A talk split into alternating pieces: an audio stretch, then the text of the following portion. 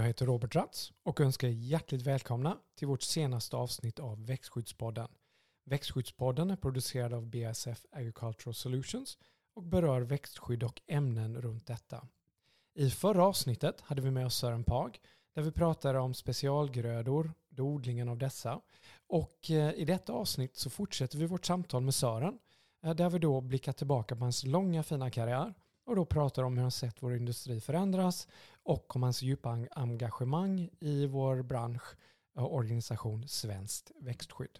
Nej men eh, jättekul, jätteintressant här att prata lite om, om specialgrödor. Men som vi nämnde, du har också varit väldigt aktiv eh, inom Svenskt växtskydd som är, eh, är vår branschor, branschorganisation. Men ja, alltså, men kanske först, hur, vad, är det, vad är det Svenskt växtskydd arbetar med? Ja, eh, brandföreningen ska ju tillvarata då eh, brandföreningens eh, medlemsföretags intresse när det gäller övergripande frågor som det gäller lagstiftning, regeländringar och skatter och politiska beslut som man behöver ha synpunkter eller ge input på. Mm. Det är det som brandföreningen lägger ner mycket tid på. Men sen är det ju också att informera ut till samhället. Eh, vad är det vi gör inom en sån här branschförening? Varför finns det växtskyddsföretag och vad gör de?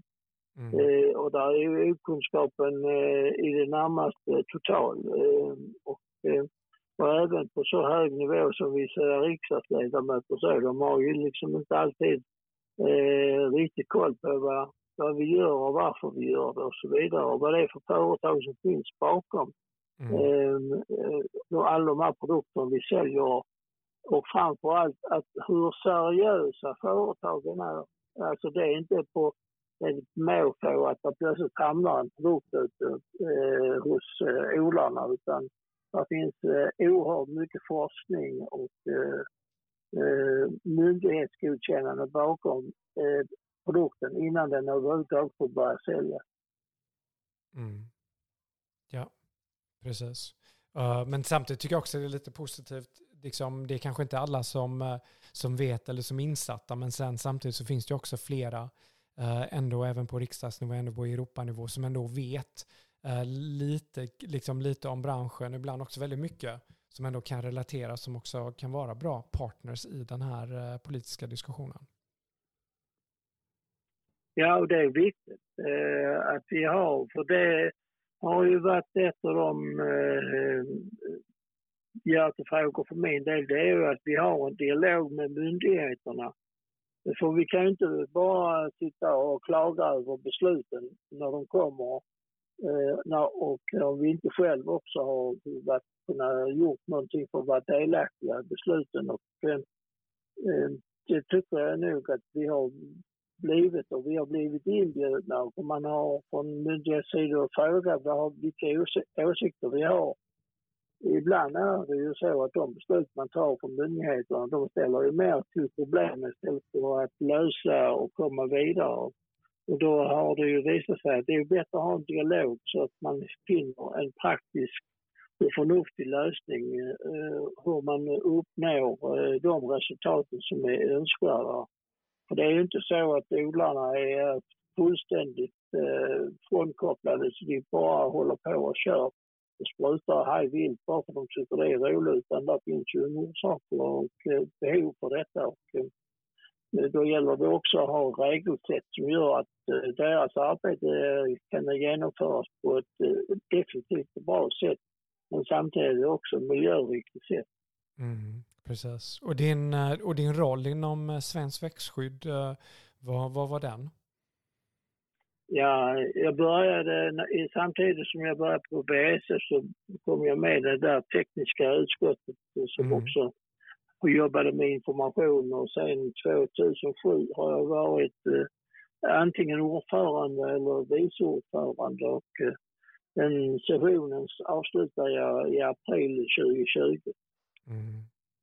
Okej. Okay. Nej, men då har du ju absolut sett och kunnat uh, eh, följa det här. Och, uh, skulle du kunna sälja, liksom, skulle du kunna sälja liksom, är det några, några, vilka förändringar har, har Svenskt växtskydd lyckats åstadkomma de här sista åren under, ja, som du har sett?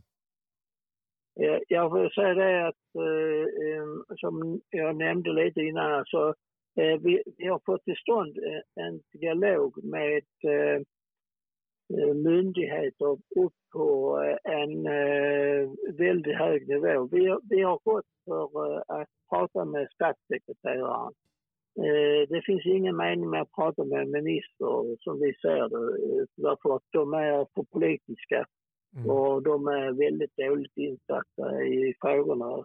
Statssekreterare och de näringspolitiska sakkunniga så de är mycket bättre insatta i alla de här frågorna och eh, vill gärna ha input. Och, eh, eh, ja, efter eh, många möten, det är ju så, man måste träffa dem ett stort antal gånger för att komma fram.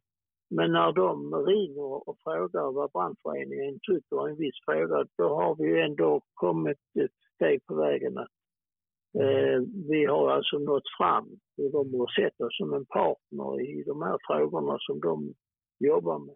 Mm. Och just, jag tror det är väldigt intressant att använda just det ordet partner. För det är ju också verkligen det, det det handlar om. Är ju att man ska kunna vara, liksom hela tiden vara väldigt saklig och, och hålla sig till fakta. Uh, speciellt när det gäller våran, våran bransch. Så att, eh, så att man blir en, en partner som helt enkelt eh, de andra litar på och vet att när man frågar någonting så får man ju det, det rätta svaret just också för att alla företagen som ligger bakom är också väldigt seriösa företag som, eh, som tar det här väldigt seriöst. Ja, det, det, det är ju samma sak när man, på, man jobbar i branschen. Företagen som är medlemmar, de är också oerhört seriösa. Liksom där det därför gäller det ju att vi eh, framför saker och ting eh, som är eh, vetenskapligt begrundat och som går att checka upp efteråt. Och man ska ju också finna samma svar. Så att, och det tror jag nog också att det är det som har varit lite av framgången. Att vi har varit oerhört noga med att vi pratar bara om sånt som vi har fakta och kunskap och vetenskap om. Allt mm. annat gissande, det lämnar vi utanför. För att, mm. det, det gör man ju ofta som politiker. Det är inte alltid man behöver vara exakt rätt det man säger utan man eh, klämmer något av sig för man tror att det är nog rätt. Men vi måste vara eh, i vår kommunikation väldigt noga med vetenskaper och, no och noggranna med kunskaperna. Mm. Jo men absolut, 100 procent. Så nu, vad ska man säga, liksom, du sa ju att du stiger precis av posten som ordförande här i, i april 2020. Var det några speciella utmaningar som eh, växt, Svenskt växtskydd jobbade med just då som, eh, som du skulle vilja lyfta fram? Eh, det, det vi jobbar, har jobbat hårt med under de sista åren det är ju eh, hur man eh, marknadsför ekologiska produkter och så vidare ute på marknaden med ganska tvivelaktiga filmer och annat. Och där vi mm. till och med har varit i domstol och fått segrar nu och som jag varit nära med en runda e-, efteråt också i domstol och man har ju vunnit där. Men eh, det får man väl säga att eh, de fallen som dyker upp det är ju på grund av att det finns ju marknadsförare eh, i både i de här organisationerna men även bland eh, PR-företag och så vidare som har väldigt dåliga kunskaper om vad som gäller och vill gärna eh, vara lite superlativ i sådan utsträckning så att man till och med blir, gör det fel. Och, och eh, då, då, är det inte bra. Det, det, är inte ärligt mot eh, konsumenten heller när man eh, fabulerar med siffror och annat. Mm. Absolut. Okej. Okay. Nej men uh, jättebra. Och sen vet vi också det här, uh, just nämnde det här vad säga, ekologiska eh, uh, produkter, men sen vet vi också att just den här försäljningen av registrering av växtskyddsmedel generellt, den är ju väldigt hårt reglerad. Och det tar ju väldigt lång tid och, och, många studier för att få en produkt registrerad. Hur, hur har detta förändrats under din tid du var aktiv i Svenskt växtskydd här i Sverige? Alltså, det exploderade ju här under 20-talet fullständigt. Eh, hur, eh, hur mycket dokument vi krävde och hur mycket mm. tid och pengar vi som företag behövde lägga ner och jag tror ju att jag såg vid något eh, tillfälle att våra insatser på företagsnivå eh, niodubblades sen 2000 eh, för att få igenom en produkt och Eh, det är studier av alla de former och eh, undersökningar som krävs eh, bara för att vi ska liksom komma igenom. Och samtidigt är det så att vi finner ju inte lika många nya säljbara substanser idag som vi gjorde för 20 år sedan och 30 år sedan. Så det är färre produkter som ska bära våra totala overheadkostnader som vi har i företaget. Och mm. det gör det ju lite bekymmersamt. Men, men så är det för hela samhället. Att alla krav har skärpts till på alla fronter. Bra, men nu, eh, nu börjar du också blicka framåt mot, eh, mot din, eh, din pension här. Men om du, om du nu blickar tillbaka, hur, hur tycker du att jordbruket har förändrats i Sverige under de här åren du har jobbat i branschen? Ja, och, och, börjar helt från början. Jag började på lantbruksskolan 1970. Mm. Och så fram till idag. Jag började då jobba aktivt eh, på Lantmännen 79. Idag, det är helt otroliga förändringar som har skett i eh, lantbruket. Eh, storleksrationaliseringar har ju varit stort genomslag. Mm. Eh, digitaliseringen av utrustningen. Eh, man använder sig eh, av rådgivning. Man är betydligt mer, liksom med och, och ser mer affärsmässigt på det man håller på och om det kan vara lönsamt. Och man är, är inte alls lika trogen de här traditionella återförsäljarna som var tidigare. Mm. Där man nästan var gift med dem från början till slut. Eh, mm. Så det har hänt eh, stora förändringar och eh, det kommer nog att hända mer under den närmaste tiden och det blir troligtvis olika rationaliseringen som gör ju att vi får ett till större antal lantbrukare med otroligt stora enheter. Mm. Men det här med digitaliseringen som vi också jobbar med, det får man ju säga, det har, det tar alldeles för lång tid innan Eh, man riktigt anammar detta inom jordbruket. Eh, en del utrustning idag är ju ett absolut måste för att man ska fixa till det men det finns mycket i planerings och driftsledningssystemen som man har haft svårt att ta till sig riktigt eh, eftersom det har funnits väldigt länge. Mm. Mm. Okej. Okay. Så du tycker just det här med det digitala, det kunde, alltså, det kunde det utvecklas mycket men det skulle kunna gå mycket snabbare? Ja, jag tycker det. För att, men eh, samtidigt får man väl säga det att eh, vi som har suttit och de andra, ja, vi och de andra, de som har sådana här som specialjobb, mm. vi har tillräckligt duktiga på att berätta vad är det för eh, fördelar med detta. Mm. Okej. Okay. Och vad, vad, vad, tycker du? Hur tycker du att växtskyddsmarknaden i, i sig själv har förändrats här de här åren du har jobbat i branschen? Ja, det, det får man ju säga att eh, vi har fått in eh, från eh, när jag började så var växtskyddsmarknaden, det var ju en herbicidmarknad. Det fanns många olika herbicider. Mm. Eh, sen kom ju sulfonylureorna som gjorde ju att de här äldre fenoxisyrorna som hade varit med i andra världskriget, de försvann mm. ut ur bilden. Eh, men sen kom det ju in mycket fungicider.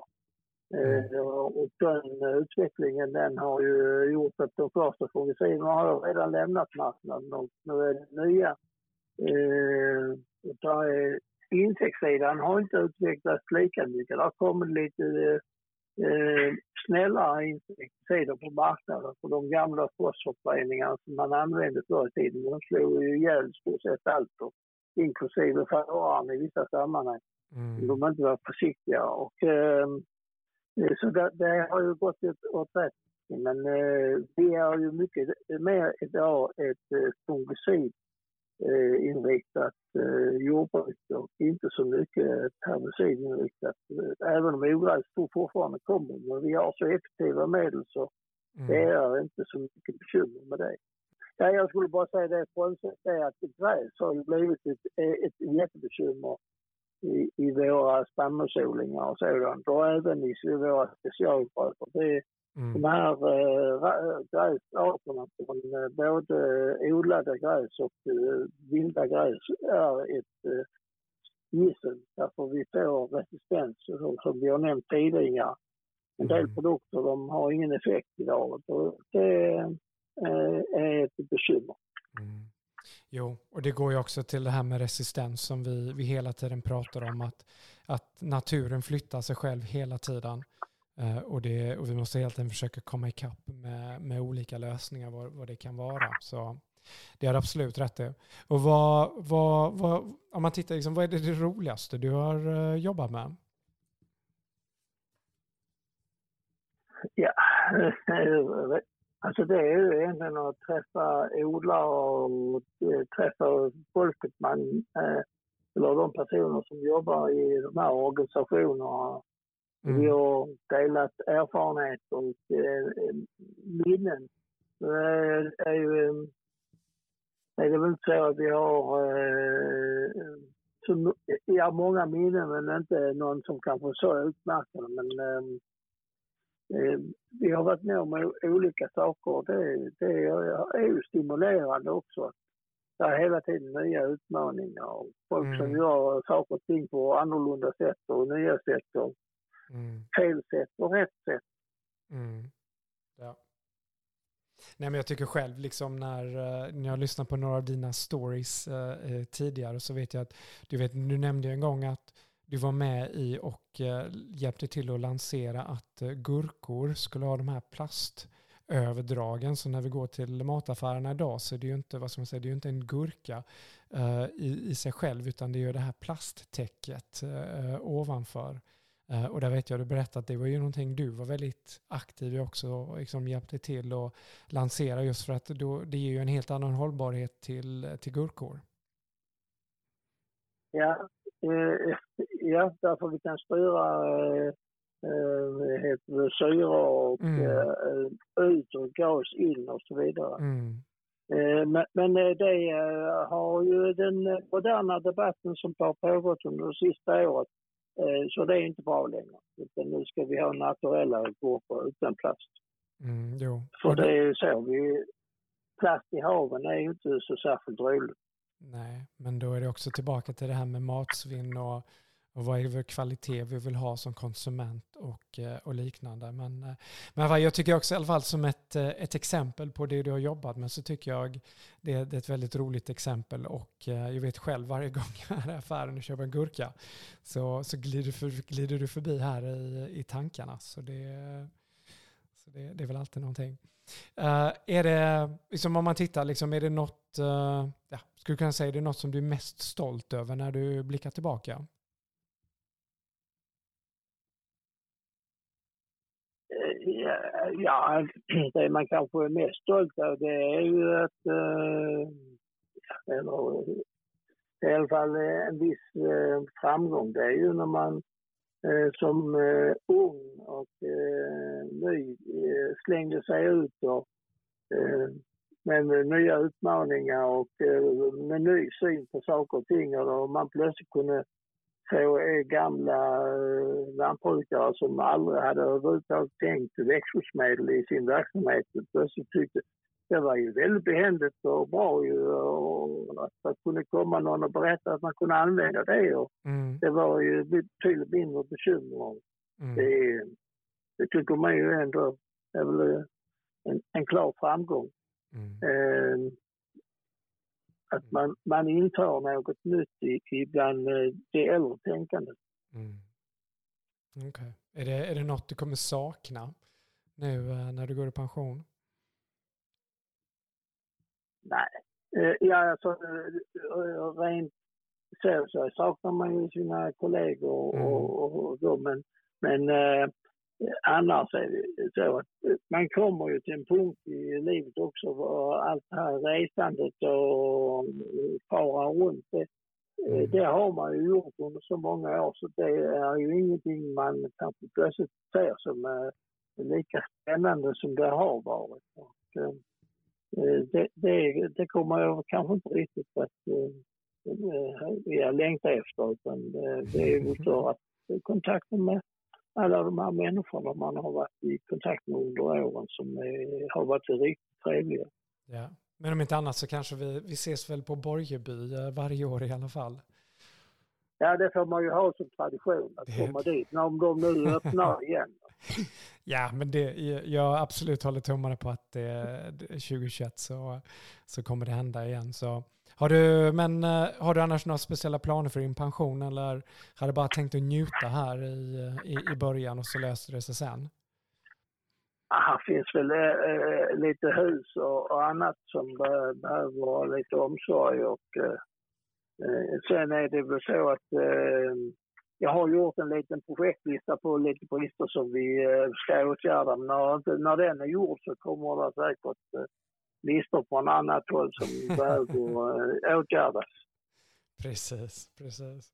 Nej men Sören, jättekul och jag vet vi kommer att träffas här innan du, du går i pension också. Det ser vi fram emot. Men, eh, men verkligen stort tack eh, för idag och jätteroligt att ha fått prata med dig. Och alltså, jag tycker verkligen liksom en, en spännande karriär över många år.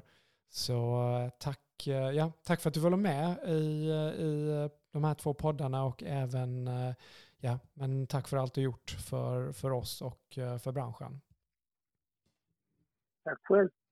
Så eh, ja, men bra, men det här avslutar väl då den, den andra podden med, med Sören. Och eh, ska väl säga att vill, vill ni som eh, lyssnar, vill ni veta mer om eh, det vi pratat om, om idag Eh, Eh, eller eh, så är ni alltid välkomna att gå in på vår hemsida, agro.bsf.se. Där kan ni ju läsa mer specifik produktinformation, eh, se, se vad vår kontaktinformation är och liknande. Uh, här på podden, vi tar gärna er feedback. Vad tycker ni som lyssnar om vår podd? Är det några ämnen ni vill att vi tar upp? Och uh, det kan alltid skriva till oss på vår adress växtskyddspodden bsf.com eller engelskt blir det väl vaxtskyddspodden Eh, snabelabsf.com eh, och eh, vi har idag pratat generellt om växtskydd, men glöm inte att använda växtskyddsmedel med försiktighet. Läs alltid etikett och produktinformation för användning. Observera alla varningsfraser och symboler. Och som BSF är vi medlemmar i Svenskt växtskydd. Så tack för att du lyssnat och på återhörande i denna podd. Hej då!